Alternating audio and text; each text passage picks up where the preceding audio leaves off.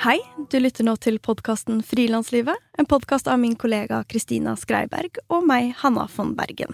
Vårt mål med denne podkasten er å være en faglig og inspirerende kanal for alle dere som jobber for dere selv i medie-, kunst- og kulturbransjen.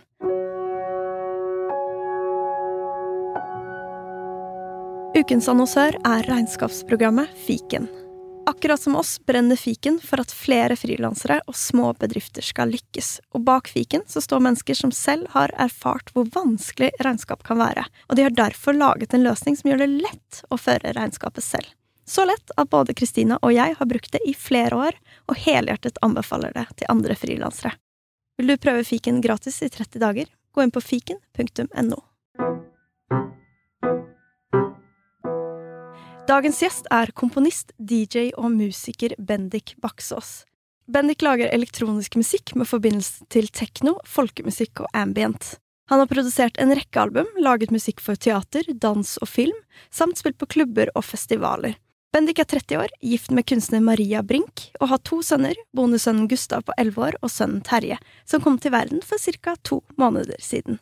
Selv om Bendik arbeider med en strikt minimalistisk tilnærming, mye preget av loop, feltopptak, mekaniske repetisjoner og improvisasjon, så er han svært utforskende i sine ulike duokonstellasjoner.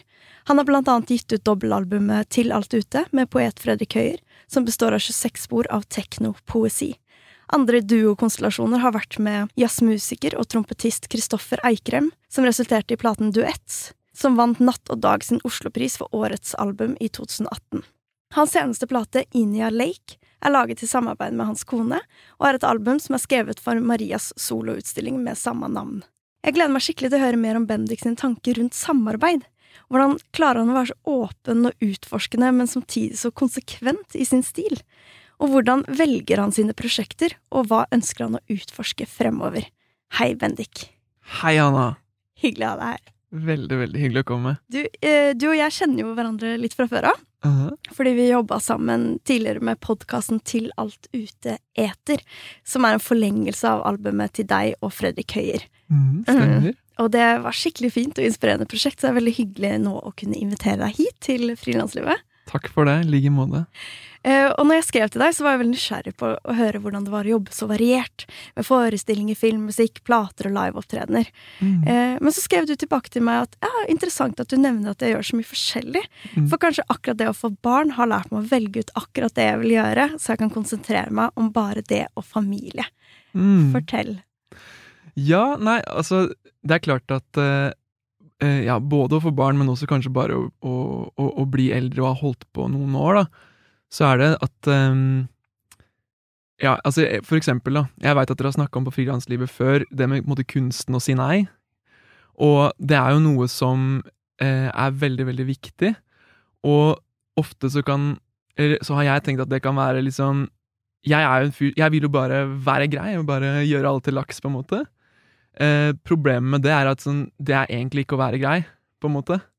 Så jeg tenker at i forhold til det med kunsten å si nei til tilbud, så er det det det egentlig handler om, er jo kunsten å si ja til det jeg virkelig, virkelig, virkelig vil gjøre. For det er bare så og så mye tid i løpet av et døgn og en uke, og så videre. Eh, så, så jeg føler at jeg har lært meg, sånn, eh, særlig de seinere åra, å virkelig konsentrere energien min mot noen veldig bestemte punkter, da. Samtidig så stemmer det jo alt det du sier, at jeg gjør alle de tingene. Lager litt filmmusikk, teater, eh, jobber med forskjellige samarbeid med andre musikere og, og også kona mi. Men du kan si at en veldig viktig del av hvordan det oppleves for meg, er at eh, alle, alle disse tingene er ikke forskjellige prosjekter. Alt sammen er mitt liv. Så alt er ting som er nært hjertet mitt, og alltid noe jeg gjør i, eh, la oss si, i en klubbsammenheng, da, spiller improvisert tekno, eh, solosett, det er sånn direkte relatert til å lage ambientplate med kona mi, eller å lage musikk som Fredrik Høyer skal rappe på. Jeg bruker de samme instrumentene, det er den samme på en måte tilnærminga til å lage musikk, og, og den tilnærminga er lek. Det er lek som er min metode. Og det er en veldig fin metode. Men hvordan har du egentlig kommet dit at du klarer å være så tydelig på, på hva du vil? Ja, det er et veldig godt spørsmål. Um, det er jo det er jo egentlig bare en del års erfaring, da. Med at jeg begynte sånn i slutten av tenåra sånn med å spille mye i andre folk sine band, sånne ting. Som var veldig gøy og veldig lærerikt for meg som musiker. Og for meg som på en måte menneske, så lærte jeg også at sånn Det er veldig viktig for meg å være sjef. Eller sånn Det er, det er da jeg yter best, da. Er når, når det er jeg som bestemmer. Så det gjør at i det seinere så har jeg alltid valgt samarbeid med egentlig bare sånn én annen person om gangen. Og det er jo noe av grunnen til at samarbeidet mitt med Fredrik Høyer blant annet funker så bra, er jo at vi er to folk. Jeg har ansvar for musikken, han har ansvar for teksten, og det kan gå litt over i hverandre, men det er veldig tydelig arbeidsfordeling. Og jeg veit at jeg er sjef når det kommer til musikken, og det gir meg noe veldig eh, På en måte Det gir meg en veldig kraft. Mm, Mm. rett og slett. En kraft og på en måte inspirasjon til å uttrykke meg. At det er ikke sånn jeg må spille noe og så se litt sånn spørrende på noen, bare sånn satt den, satt den ikke. Men det er på en måte Sånn skal det være. Og det, det er en god følelse som på en måte er veldig fruktbar for videre, eh, videre uttrykk, da.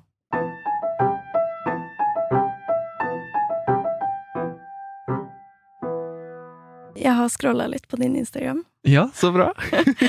og så så jeg at for en tid tilbake så skrev du at du gjerne vil leve i Ellen What's On, not serious but sincere. ja, det står jeg for. Vil du utdype litt? Hva, hva, hva betyr det her for deg? Not serious, but sincere, ja. Eh, nei, altså eh, Jeg liker Jeg tror virkelig at humor er en magisk kraft som jeg vil og skal bruke hver dag eh, for å ha det bra og for å være god med de rundt meg. Eh, og det trenger ikke nødvendigvis å være å, liksom drive og få folk til å le. På ingen måte, det skjer jo bare når det skjer. Men kanskje heller å ta ting med en klype salt, som man sier, eller å på en måte le kanskje legge til godvilje også mye i form av humor, da. Fordi da blir liksom alt lettere. Og da føler jeg også at jeg blir mer tolerant. Og så føler jeg at at jeg får, får med meg mer, på en måte, eller at jeg legger merke til mer. Og jeg tenker at det Alan Watts sier der med eh, 'not serious but sincere', det viktige andre delen av det sitatet, er jo inderlig. At liksom i humoren så, skal, så, så, vil, jeg være, så vil jeg være inderlig. Jeg vil liksom eh, ha med meg hele hjertet mitt. Jeg vil ikke Jeg mener ikke humor som i på en måte et ironisk blikk på en situasjon. Det er jeg liksom ikke så interessert i, på en måte, eller det treffer meg kanskje ikke så mye. Men jeg vil heller liksom Jeg vil heller ha, jeg vil ha med hele hjertet mitt. Jeg vil gjøre alt jeg gjør inderlig. Fordi når jeg får det til, så blir det bra musikk og gode relasjoner. Så det, det funker på flere plan. Mm. Har du et eksempel hvor det liksom kommer til uttrykk?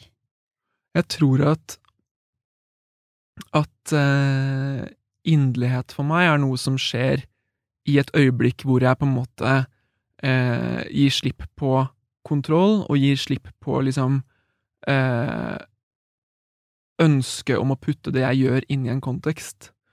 Og det er jo noe som, eh, i hvert fall for meg, er helt sånn umulig å gjøre sånn bevisst. Det er mer kanskje noe som bare skjer.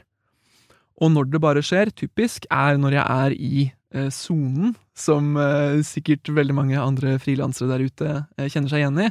Altså det når på en måte bokstavelig talt tida bare flyr, eller kanskje tida er eh, flyvende. Og, og at liksom eh, For meg, i en spillesituasjon, ikke sant, enten om det er i studio eller om det er på scenen, det, det kan være begge deler, men det er i det øyeblikket når henda bare gjør, henda bare spiller, liksom, og det er direkte kobla til øra, men det går kanskje ikke innom en sånn refleksjon ah, kanskje den hi-haten burde være litt mer sånn hm, Det er ikke der, det, det bare skjer, på en måte. Det bare er i musikken? Ja, og det føler jeg er eh, Det føler jeg kanskje er min sånn, i hvert fall nærmeste kontakt med sånn inderlighet hva gjelder utøving av kunsten min, da. At jeg bare spiller for å spille, liksom. Mm. Uten å tenke dette skal til noe, eller dette skal eh, oppfattes av en person. Mm. Og det her har jeg tenkt veldig mye på, fordi eh, det er ikke så mye man gjør som man bare gjør fordi man vil gjøre det. Ofte så er det jo noe resultat og liksom fremdrift, og eh, man vil lære seg noe, men jeg tenker ofte tilbake til når man var barn.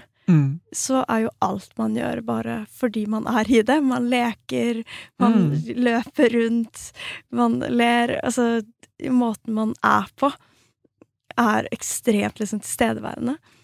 Ja, det, det, kjenner meg, det kjenner meg veldig igjen i, og det er jo helt klart på en måte eh, barnligheten jeg vil inn i med spillinga.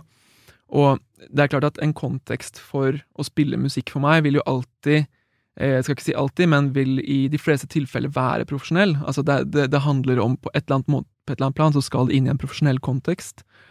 Eh, og det er, det er greit nok, eh, men du kan si at når jeg trykker på rekordknappen i studio, i det øyeblikket så tenker jeg sånn Ok, dette her, grunnen til at jeg gidder å trykke på record-knappen, er jo fordi jeg tenker at kanskje det kan brukes til noe. Men så går det ti sekunder, da, eller et minutt, eller hva det nå er, og så etter hvert så glemmer jeg, eller går i hvert fall videre fra den handlinga, og er på en måte bare til stede i det jeg hører. Og det er liksom da noe stort skjer, da.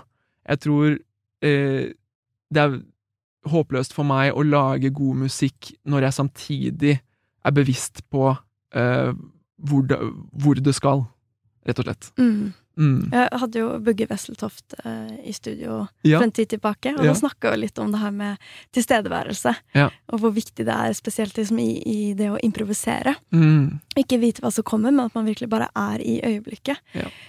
Men har du eh, Hvis man syns det er litt vanskelig, da, og det kanskje ikke helt faller naturlig, Mm. eh, har du gjort noe som liksom har Altså, hvordan har du trent opp den muskelen, hvis man kan kalle det det? Nei, altså, den eneste måten å få det til å bli lett på, er å ha få virkemidler, liksom. Du kan si at eh, eh, en, en god øvelse er å sette seg eh, noen regler, rett og slett. Altså, ok, nå skal jeg ta opp eh, eh, ti minutter hver dag i en uke, bare på den samme maskinen, eller bare på det samme instrumentet, eller bare på det samme stedet, eller hva, hva det nå er, da. Men en sånn type veldig enkel ramme, det gjør at da kan på en måte kreativiteten og eh, liksom improvisasjonskrafta blomstre.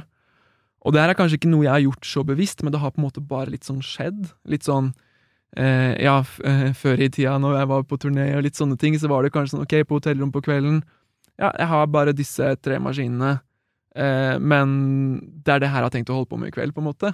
Og det er ofte da jeg liksom på en måte har eh, laga ting som har endt opp på en plate, eller, som eller for den saks skyld bare at jeg syns det er fint å lytte på i dag, da.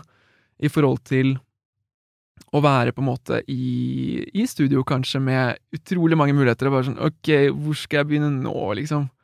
Eh, så jeg tror kanskje det, sette noen avgrensa rammer for Og det kan være litt sånn Og der kan kanskje humor komme inn i bildet òg, liksom, eller at det kan være litt sånn eh, ja, bare tegne med venstre hånd, for eksempel, eller liksom Ja, de, de, disse veldig enkle ensetningsdefinisjonene Eh, på hva jeg skal gjøre, da, som på en måte åpner opp. Mm. Jeg tror mange kan relatere til det i sine ulike liksom, håndverk, om det er en spesiell teknikk man jobber med, eller i visuell kunst, om det kun er liksom ja, blyant, eller om det Altså hvilke verktøy da man bruker. Mm. Og jeg relaterer til det i forhold til et instrument som jeg spiller, som heter mbira, Mm. som eh, er fra Zimbabwe, og det har bare seks toner. Noen er i oktaver, men det er ganske begrensa i forhold til eh, et piano eller gitar eller andre instrumenter. Mm. Eh, Og det kan jo være litt utfordrende, men det er også utrolig befriende. Mm. Fordi da, som du sier, så får man lov til å utforske i dybden da, på det, den liksom veldig strenge rammen man er i. Og, det, og det er jo da skjønnhet dukker opp, ikke sant, i forhold til det vi var litt inne på tidligere også, med at liksom, når du da spiller den samme lille motivet om igjen og om igjen om igjen, da legger du merke til at ja, hvis du bruker huden litt nær, nærmere neieren, eller hva det nå er, ikke sant, så vil det bli en litt annen klang på tonen. Og det er jo noe som Du kan ikke høre det hvis du hører på det i et halvt minutt. Du er nødt til å høre på akkurat det i 20 minutter før de nyansene liksom begynner å virkelig bli til sånn eh, ja, sånn sjokkerende motsetninger, da, ikke sant? Noe Mm. som i første øyekast, ørekast eh, kunne oppfattes ganske likt. Eh, apropos mottoer og slagord, mantraer, som har vært litt innom, eh, så vil jeg også legge til en annen eh, favoritt hos meg, som er Limitation is liberation, eh, eller på norsk Begrensning gir begeistring.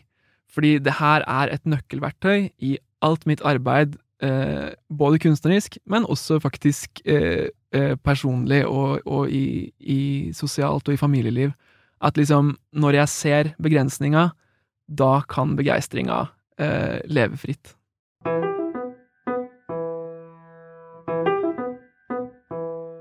Jeg har lest at du, når du var yngre, så spilte du heavy metal-band. Ja, ja, stemmer. hvordan, hvordan, hvordan, har den liksom ferden eh, vært fra heavy metal til nå liksom ambient folkemusikk? uh, wow. Uh, ja, det, det, altså den, den, reisen, den Det Ja, hvordan den har vært? Nei, du kan si den har hele tida fulgt det som har vært gøy, på en måte. Egentlig. Eh, fra den tida så kan du si at noe av det herligste med å være liksom ungdom og spille i heavy metal-band, er jo liksom samholdet og det sosiale, da. Og det er det jo i veldig stor grad i det jeg holder på med nå også. At det er kanskje noe som er felles, selv om nå har jeg liksom mindre band, altså bare meg og Fredrik, på en måte, istedenfor å være fire, for eksempel. Eh, men det er jo noe av det samme, den der å, å, å møtes i det sosiale. Samtidig så er det jo Du kan si at jeg har alltid likt å være en, eh, en performer, rett og slett. Når jeg spilte i heavy metal-band og sånn, så sang jeg, og, og, spilte også gitar og sånne ting. Men jeg var på en måte sånn jeg elska bare være sånn Kurt Cobain-aktig og ha en sånn kul stemme og ha på skikkelig fillete klær. Altså, jeg, jeg elska å bare på en måte eh, Ja, og virkelig sånn Å være Å være en stjerne. Uh -huh. mm. Og du kan si at inn i på en måte Inn i teknoen og mitt på en måte soloarbeid nå, så er jo det litt annerledes, fordi at når jeg spiller på en klubb, så er det jo ofte sånn at det handler om at det er ikke noe stjerne. ikke sant? Det er, det er ofte sånn at det skal være ganske mørkt. Eh, musikeren eller DJ-en står ikke på scenen, står bare liksom et, et, sted hvor man hører bra. Og selvfølgelig, man har en viss eh, oppmerksomhet, men folks oppmerksomhet er ofte retta innover i seg sjøl, eh, eventuelt mot en nær venn. Det er på en måte en veldig annen sone enn sånn 200 folk som står og glor på en scene med masse lys og røyk, på en måte. Mm. Så egentlig to veldig motsetninger. Men eh, det jeg føler i mye større grad nå, da, eh, og som jeg liker veldig godt, er at jeg føler virkelig at det er jeg som er høvdingen i det rommet. Det er jeg som har på en måte jeg, jeg, jeg, kan skape ting der og da. Jeg kan få Jeg kan ikke nødvendigvis få folk til å føle bestemte følelser. Det, alle er jo forskjellige og oppfatter musikk forskjellig. Men jeg kan helt klart jobbe med energi på et gruppeplan, da, og på en måte bygge opp spenning og, og skape eh, altså, hva heter det, ut, utløsning, på en måte. Altså denne balansen mellom spenning og avspenning, som jeg tenker at eh, all god tekno eh, er. Den rytmen og den eh, elektriske energien som oppstår mellom liksom basstrommas tydelig definerte mm, her, her kan du lande, her er bakken, her er kroppen din, og high-haten som vil ha deg oppover i skyene, som vil på en måte få brystet til å bevege seg oppover. Altså, hele tida den eh, Den på en måte ur eh, Den urmotsetningen der, da, hvor du får både bakkekontakten og kontakten med det guddommelige. Det, det er det jeg liker aller best. Og jobbe med det her i et rom sammen med masse andre mennesker og se hvordan folk eh, løfter brystet når jeg setter inn mer lyse perkusjoner, mer busy ting i, toppregisteret, og se hvordan folk liksom bare blir helt fra seg når kicktromma blir borte et lite øyeblikk. Altså, ja ja, det, det gir meg så mye glede, og, og da, da, koser jeg meg så mye. Å, det er veldig, veldig fint. Mm. og da kan jeg tenke meg at det har vært en ganske sånn hard kontrast til det her året vi er i, og fjoråret. Um, og vi skal ikke liksom gå altfor langt ned i møkka her, men, uh, men vil du fortelle litt, for jeg vet at du jobber med en forestilling for øyeblikket. Ja, stemmer. Som heter Jordopphimlesang, som er en forestilling for Nationaltheatret, som snart har premiere på, i Kanonhallen. Mm. Og ut ifra bildene og beskrivelsene så, som jeg har sett på nettet, så ser det skikkelig heftig ut. Ja. av kostymer, lys Altså, det ser ut som en liksom trip. Ja. Ja, veldig gøy. Um, hvordan har det vært å nå jobbe med denne forestillingen? Jeg vet at premieren ble utsatt uh, av mm. nye nedstengingen mm. i Oslo. Uh, hvordan, hvordan, er det å være liksom en performer i, i, i, koronatid? Ja, det er et godt spørsmål. Du kan si at eh, det, det, viktigste med Eh, med det arbeidet for min del, har vært at liksom, jeg føler jo virkelig også at jeg er en performer i øvelsene. Og at jeg får veldig mye glede av å spille, om det så bare er skuespillerne og de andre eh, på det tekniske teamet som, som lytter. Så føler jeg fortsatt at liksom At det gir veldig mye. Eh, samtidig så er det klart at liksom Det jeg vil mest av alt, er jo å få familien inn dit, nære venner og fremmede for den saks skyld eh, og, og, vise dem hva vi har laga. Det, det, er jo det vi vil, ikke sant. Vi, det er jo det vi jobber med. Vi er en utadretta eh, bransje eh, som på en måte Du kan si at uten publikum så, så er vi liksom eh, Så er vi ikke hele, rett og slett. Så vi, vi må jo bare ta det som det kommer. Eh, men det er klart at eh, at eh, jeg gleder meg veldig, veldig, veldig mye til å få vise det for deg, for eksempel, da. At liksom eh, dem som er interessert, og som har lyst, kan, kan, kjøpe en billett og dra og se denne forestillingen. Fordi det er virkelig noe Det er, det er, det er noe, noe, noe, helt nytt. Jeg har aldri vært med på lignende, i grad av på en måte Ja, veldig sånn eh, skal jeg si, fin finstemt samarbeid mellom liksom kostyme, lys, musikk og ikke minst tekster, da. Og også veldig gøy for meg å høre tekstene til Fredrik bli framført også av andre skuespillere, og, og, bare oppleve å være med på hele den prosessen, høre med regissøren Mattis Herman Nyquist hvordan han gir instruksjoner, og hvordan en tekst kan på en måte bli en helt annen når skuespilleren har en annen intensjon. Eh, så det har vært veldig, veldig mye spennende erfaringer for meg. Og jeg vil si at den helhetlige pakka er nettopp som du sier, det er en tripp. Det er liksom virkelig å ja, å bli overøst med liksom spontanitet og intensitet eh, og kjærlighet. Mm. Mm. Gøy. Og jeg gleder meg.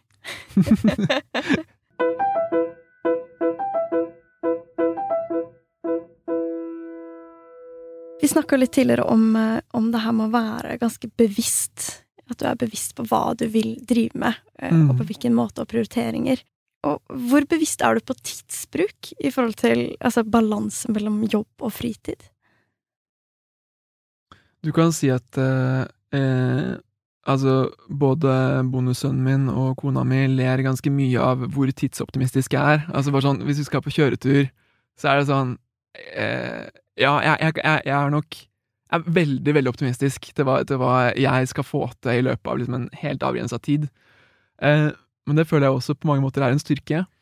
Og du kan si at det som er veldig fint for meg med å ha familie, er at det skaper en helt naturlig ramme der. da. At det er liksom Det er gode muligheter til å jobbe eh, på dagtid, eh, og så til middag så er det liksom Da er det fritid. Eh, og så sitter jeg ofte på kvelden og natta noen ganger når det passer, på en måte. Så liker jeg å sitte hjemme når de andre har lagt seg. Roen har senka seg, og så sitte på dataen, jobbe videre med noe jeg har begynt på i studio, og sånne ting. Er eh, Det blir på en måte litt sånn eh, Det er liksom sånn en sånn magisk fin bonustid, da, som tar meg litt sånn tilbake til liksom sånn livet mitt var før, når jeg liksom var litt mer sånn som bare jobba masse på natta og sånne ting. Det er en Altså, dag og natt, det er jo en grunn til at det uttrykket det er som dag og natt. Altså, det er faktisk motsetninger. Og Et annet eksempel på det er den teaterforestillingen. fordi Første gang jeg så den bli framført, eller at vi framførte den på kveldstid, på en prøve, så var det sånn bokstavelig talt en annen forestilling enn når vi gjorde egentlig sånn så godt vi kunne, i hvert fall, omtrent det samme på dagtid. Det er bare annerledes. Så jeg omfavner veldig det, og jeg tror at en veldig viktig del av min rytme er å liksom, bevare noe av det nattarbeidet, da.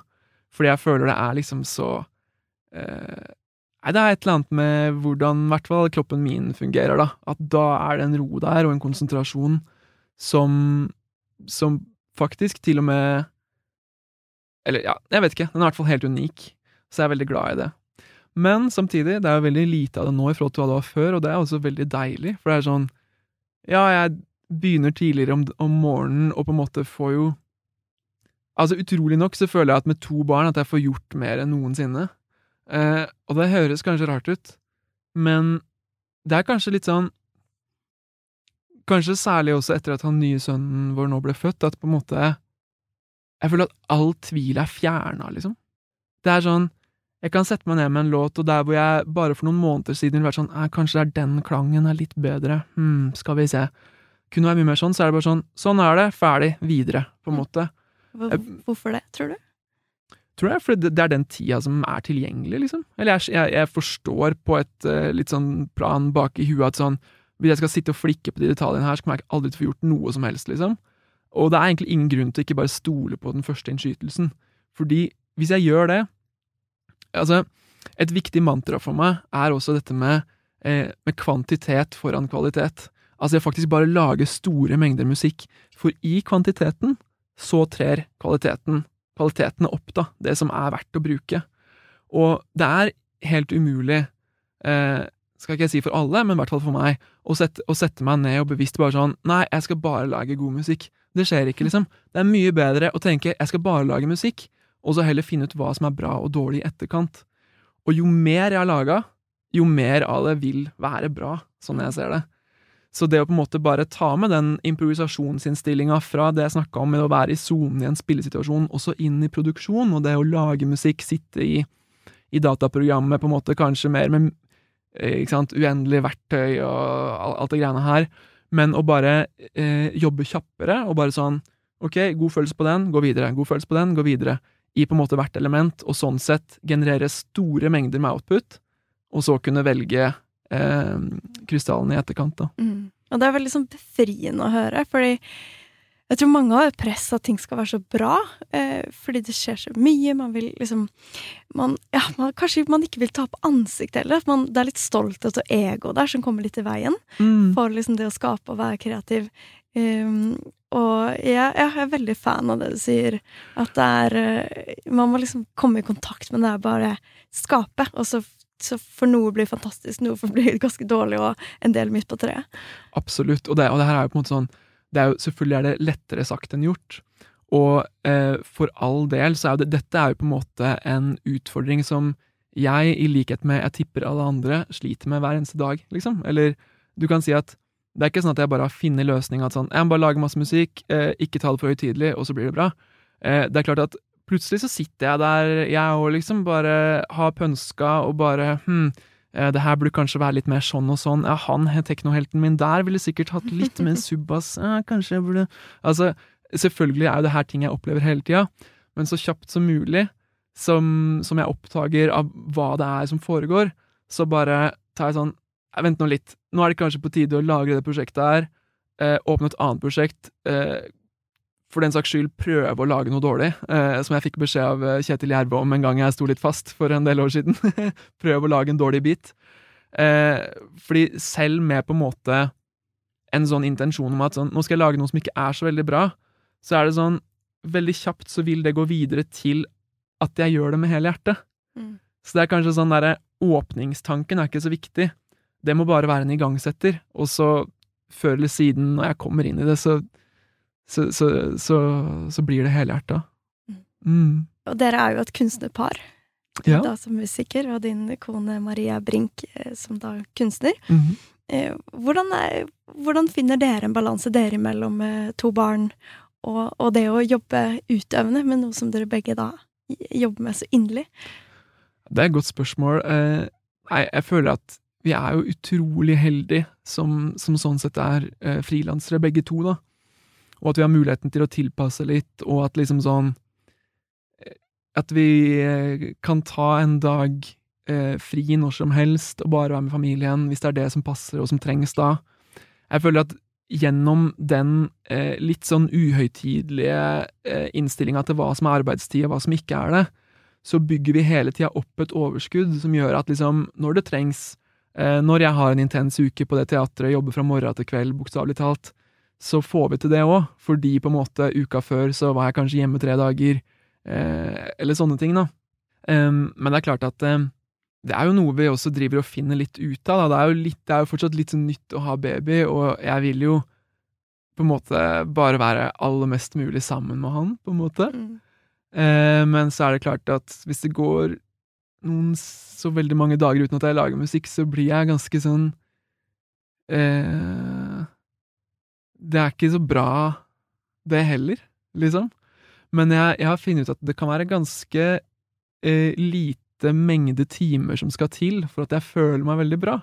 Kan være et par timer på kvelden når han og, og de andre i familien har lagt seg, som på en måte utgjør et sånn derre At jeg våkner med veldig, veldig god følelse dagen etter, da, selv om jeg kanskje ikke jobba noe hele den dagen. Så nei, hvordan vi finner ut av den balansen, det Jeg tror kanskje at det er litt lettere fordi vi begge er frilansere. Altså Hvis én hadde veldig strikt arbeidstid og, og veldig lite fleksibilitet og bare jeg vet ikke om jeg kan ta ut en feriedag akkurat nå, det blir kortere sommerferie. Altså Hvis det var sånn, så ville kanskje den andre følt seg litt sånn pressa til å være den som alltid ordner opp med ungene.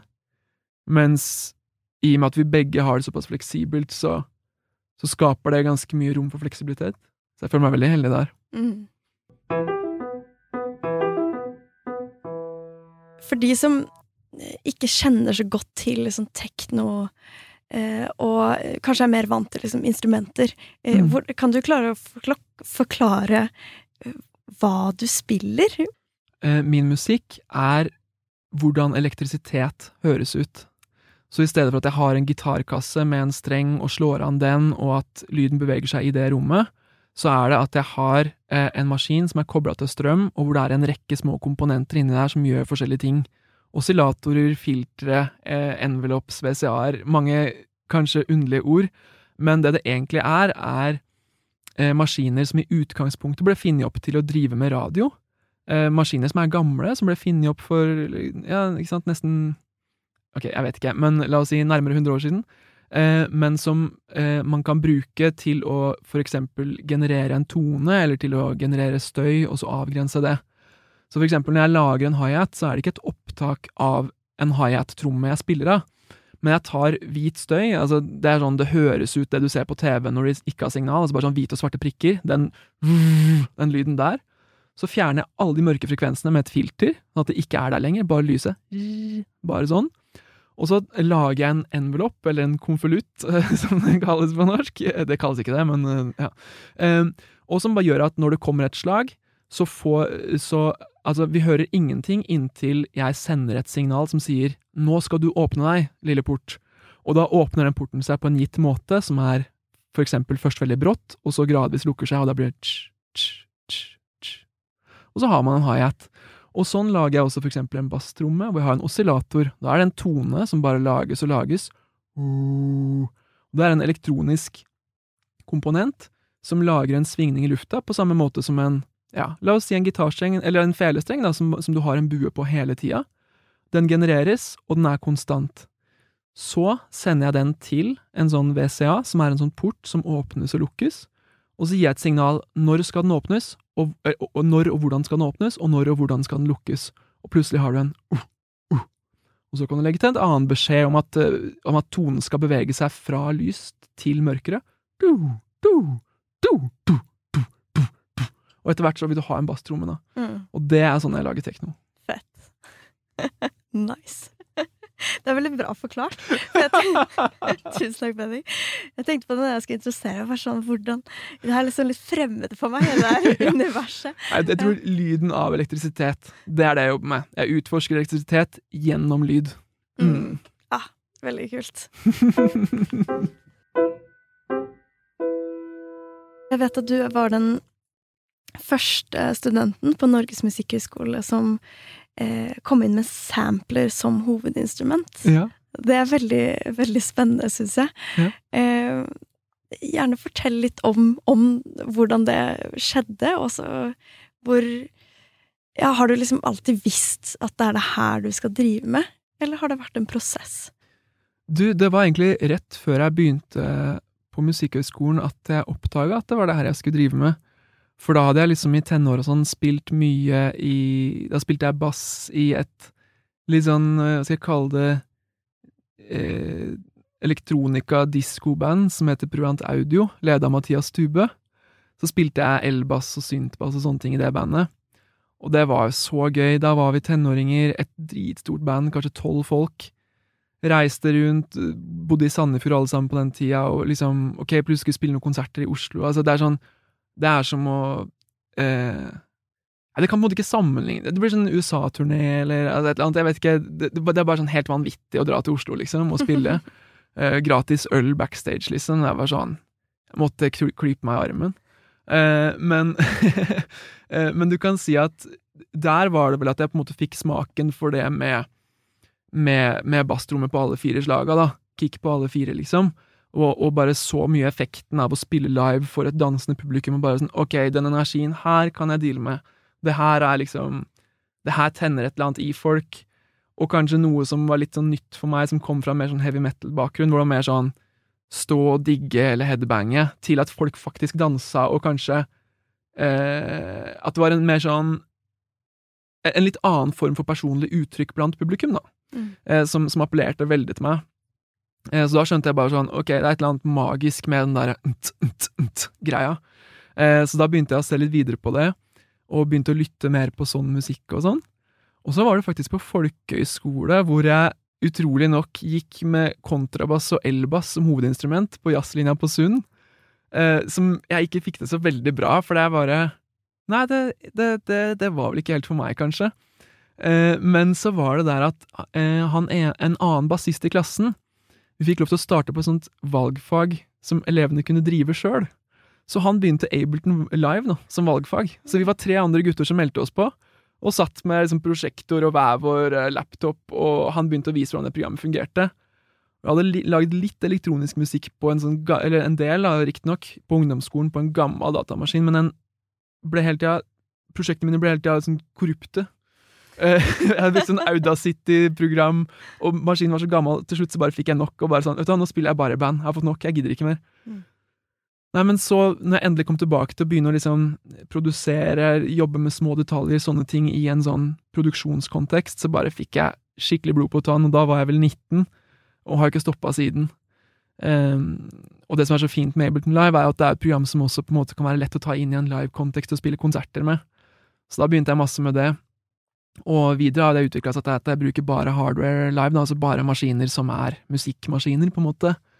Men uh, ja, det er jo hele tida den eh, Jeg føler jeg nærmer meg mer og mer, og særlig kanskje nylig det å, å virkelig på en måte eh, være en utøver elektronisk på samme måte som, eh, som, jeg ville vært på et akustisk instrument, da. At taktiliteten og umiddelbarheten i improvisasjonen er eh, et direkte uttrykk for det hjertet sier der og da. Mm. Mm. Og når du kom inn da på Musikkhøgskolen søkte du selv om du visste at det ikke egentlig var Eller hvordan, hvordan så det ja. ut med å egentlig komme inn med et instrument da, som ingen, ingen før hadde, hadde, gjort? Ja, nei, altså Musikkhøgskolen eh, har et veldig veldig flott tilbud som heter Det frie kandidatstudiet.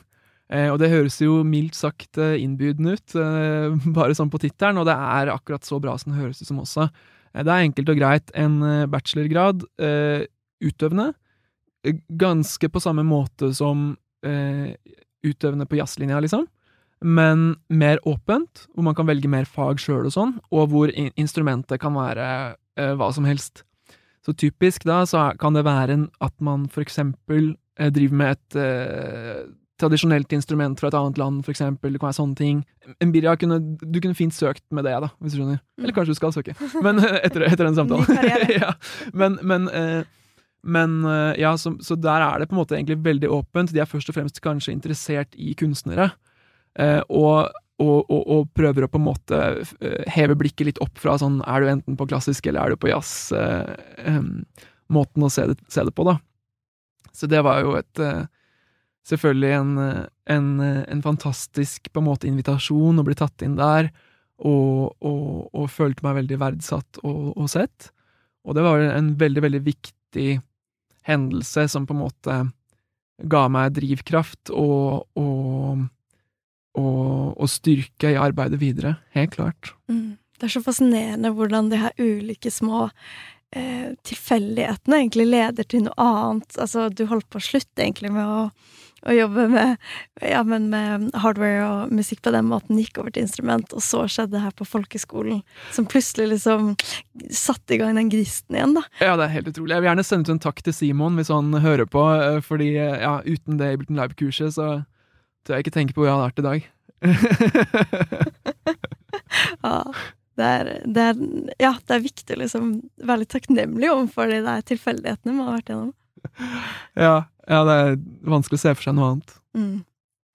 Hva er det du syns er det beste med å frilanse? Å gjøre det jeg elsker, og at jeg gjør det bare for meg. Mm. Mm. Hva er det du er mest nysgjerrig på å utforske fremover? Det er med å spille live improvisert tekno aleine. Det det er, noe jeg eh, rakk å gjøre en del før eh, koronatida begynte, eh, og som jeg gleder meg veldig til å fortsette med. Altså det å spille én time med helt improvisert musikk med eh, et par liksom, på mange måter veldig komplekse, men også avgrensa musikkmaskiner.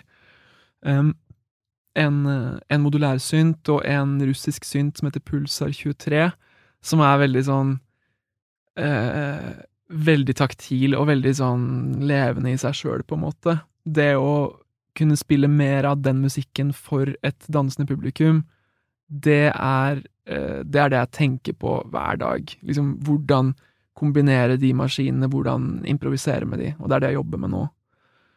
Og så er jeg veldig nysgjerrig på Eh, på arbeidet mitt videre sammen med Fredrik Høyer, da, som jeg nevnte litt tidligere. Vi jobber med en ny plate som heter Hortensia lenge sia, og som vi sikter på skal utgis i sommeren. Alt ligger an til at det blir et helt spesielt verk eh, som, eh, som er veldig annerledes enn det vi har gjort tidligere, men samtidig på en måte bringer videre det som funker aller best av vårt samarbeid, da. Det er mer låtstrukturer, vi har litt synging, vi har noen gjester. Eh, men det er, det er tekno, det er opptempo og veldig sånn eksplosiv og eh, Hva skal jeg si eh, utadretta musikk, da. Eh, og også med tekster som er veldig eh, Jeg føler at Fredrik og jeg er et folkelig band, da. Ikke sant? Vi, Odd Børretzen og Lars Martin Myhre er våre helter, liksom. Den stilen. Vi er på en måte dem, bare nå, hvis du skjønner. Eh, la, jeg mener at vi lager musikk som veldig mange mennesker kan kjenne seg igjen i. Samtidig som vi har jo et litt sånn avantgarde uttrykk òg. Så jeg føler der er en sånn eh, Ja, der er på en måte min nysgjerrighet og, og, spenning liksom like intens som da jeg først møtte Fredrik for fire år siden, da, egentlig. Jeg gleder mm. meg til å følge med på fortsettelsen. Mm. Tusen takk for at du kom hit i dag, Bendik. Tusen takk for meg. Det er veldig hyggelig å snakke med deg. I like måte. Herregud, så gøy! Vi vil gjerne takke Kulturrådet for støtten vi har fått til å lage denne podkasten. Tusen, tusen takk.